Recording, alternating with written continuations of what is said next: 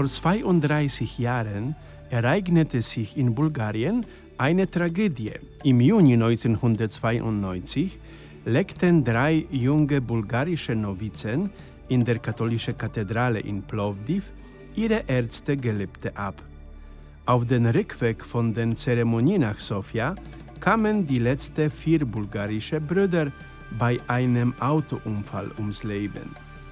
Um die Präsenz der Kapuziner in Bulgarien aufrecht zu erhalten, ordnete der damalige Ordensgeneral der Kapuziner von Krakau an, die Krakauer Provinz hatte damals die größte Anzahl von Brüdern in der Welt, sofort zwei Brüder nach Bulgarien zu schicken, um sich um die Gläubigen zu kümmern und die Präsenz der Kapuziner auf den Balkan aufrecht zu erhalten.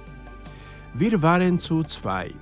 Mein vier Jahre älterer Mitbruder Marius, der 2016 in Klagenfurt verstorben ist, und ich, ein 27-jähriger Neupriester. Marius war erst seit drei Jahren Priester und ich war seit einem Monat geweiht. Wir wussten nichts über Bulgarien. Außer unserer polnischen Muttersprache konnten wir nur Russisch.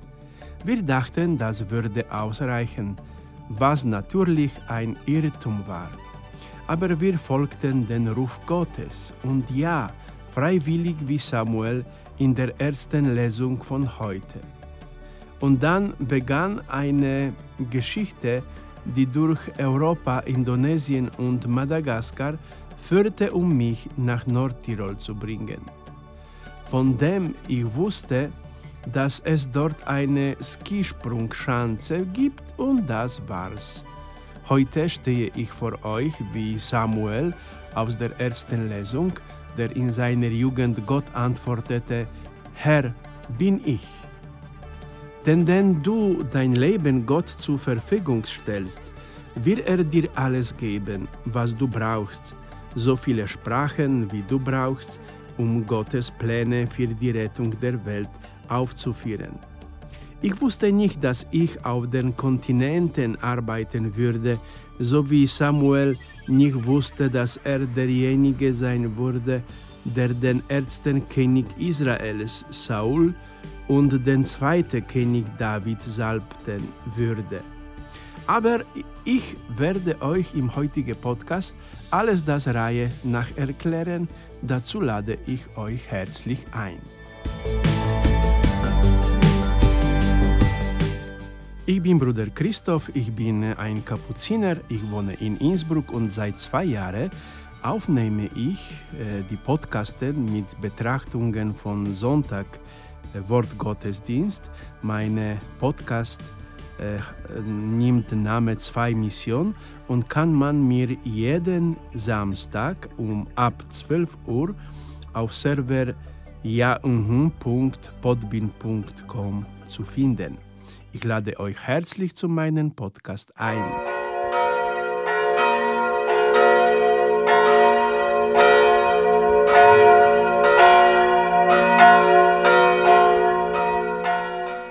Habt ihr in eurem Leben schon erfahren, dass Gott niemals äh, 01 informatische Sprache Antworten gibt? Auf jede Frage, die an Gott gestellt wird, spricht Gott, wenn er antwortet, immer mit einem konkreten Ereignis, zum Beispiel die Verkündigung des Herrn, oder mit erfüllten Tatsache. Als Johannes im Gefängnis war, hörte er von den Taten und Wundern Jesu und schickte die Jünger aus, um zu fragen, ob er der sei, den sie erwarten. Jesus aber sagte zu ihnen, erzählt Johannes, was ihr gesehen haben. Gott nannte auch dich und mich, Bruder und Schwester, als unsere Namen bei der Taufe in das Buch des Lebens geschrieben wurden, aber Gott sagte uns nicht, was mit uns geschehen würde, sondern lud uns ein, zum ihm zu kommen, wie die Apostel im heutigen Evangelium. Kommt und seht.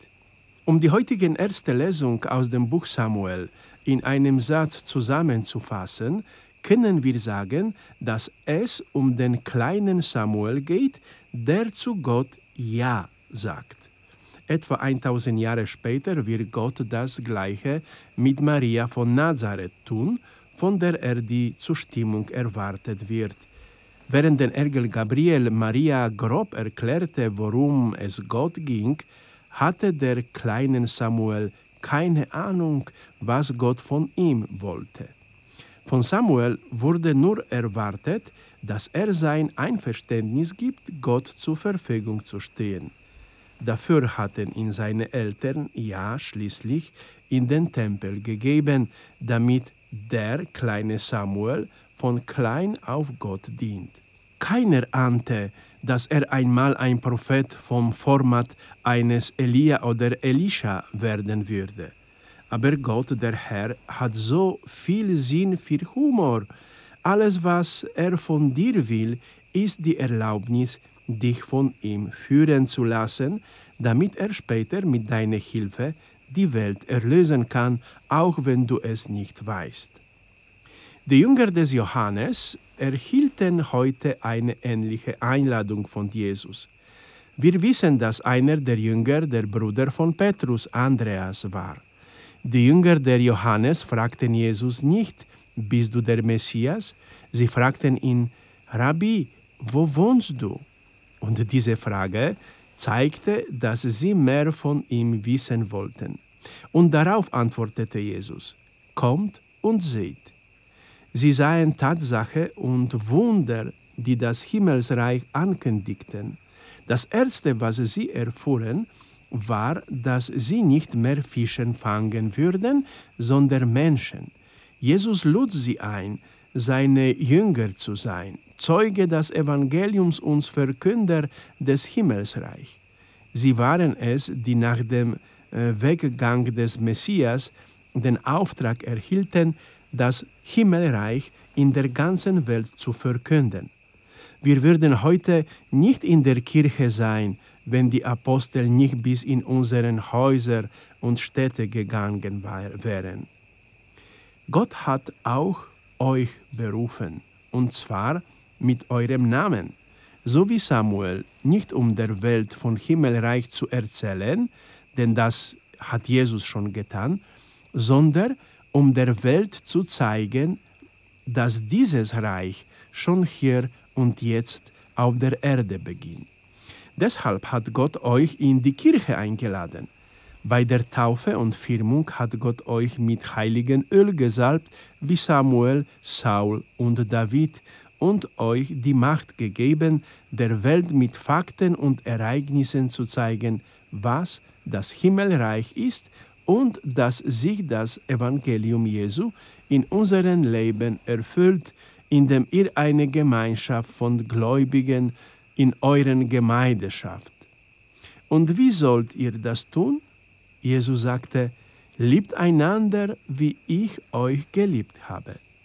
Wenn ihr also in euren Gemeinde einander so liebt, wie Jesus uns alle liebt, dann erzählt ihr den Welt nicht von Himmelreich, sondern ihr zeigt, wie das Himmelreich aussieht und ihr sagt den Menschen, kommt und seht. Und ihr braucht keine anderen Sprachen als die Sprache der Liebe, die Liebe zu Gott und zu Nächsten. Und wenn Besucher zu euch kommen, Touristen, die eure Muttersprache nicht kennen, werden sie euch durch das Zeugnis der Nächstenliebe, das ihr ihnen gebt, verstehen. Die Leute werden von der Gemeinde erzählen, in der sie Ski gefahren sind, in der sie glückliche Menschen getroffen haben, weil sie einander lieben. Wie Andreas zu Petrus kam und sagte, wir haben den Messias gefunden, so werden andere von dir erzählen, wir haben das Himmelreich auf Erde gesehen. Das ist es, worum es bei kommt und seht geht. Das heutige Wort lädt uns ein, Jesus zu folgen und in die Wirklichkeit des Himmelreichs einzutreten, die das Evangelium verkündet. Deshalb haben wir die Aufgabe zu lernen, das, was Jesus uns gelernt hat, in die Praxis anzusetzen. Nur so wird das Himmelreich unter uns sein. Sei mutig, Bruder und Schwester. Habt keine Angst, der Einladung Christi zu folgen und zu kommen und zu sehen. Der Heilige Geist wird sich um alles weitere kümmern. Amen.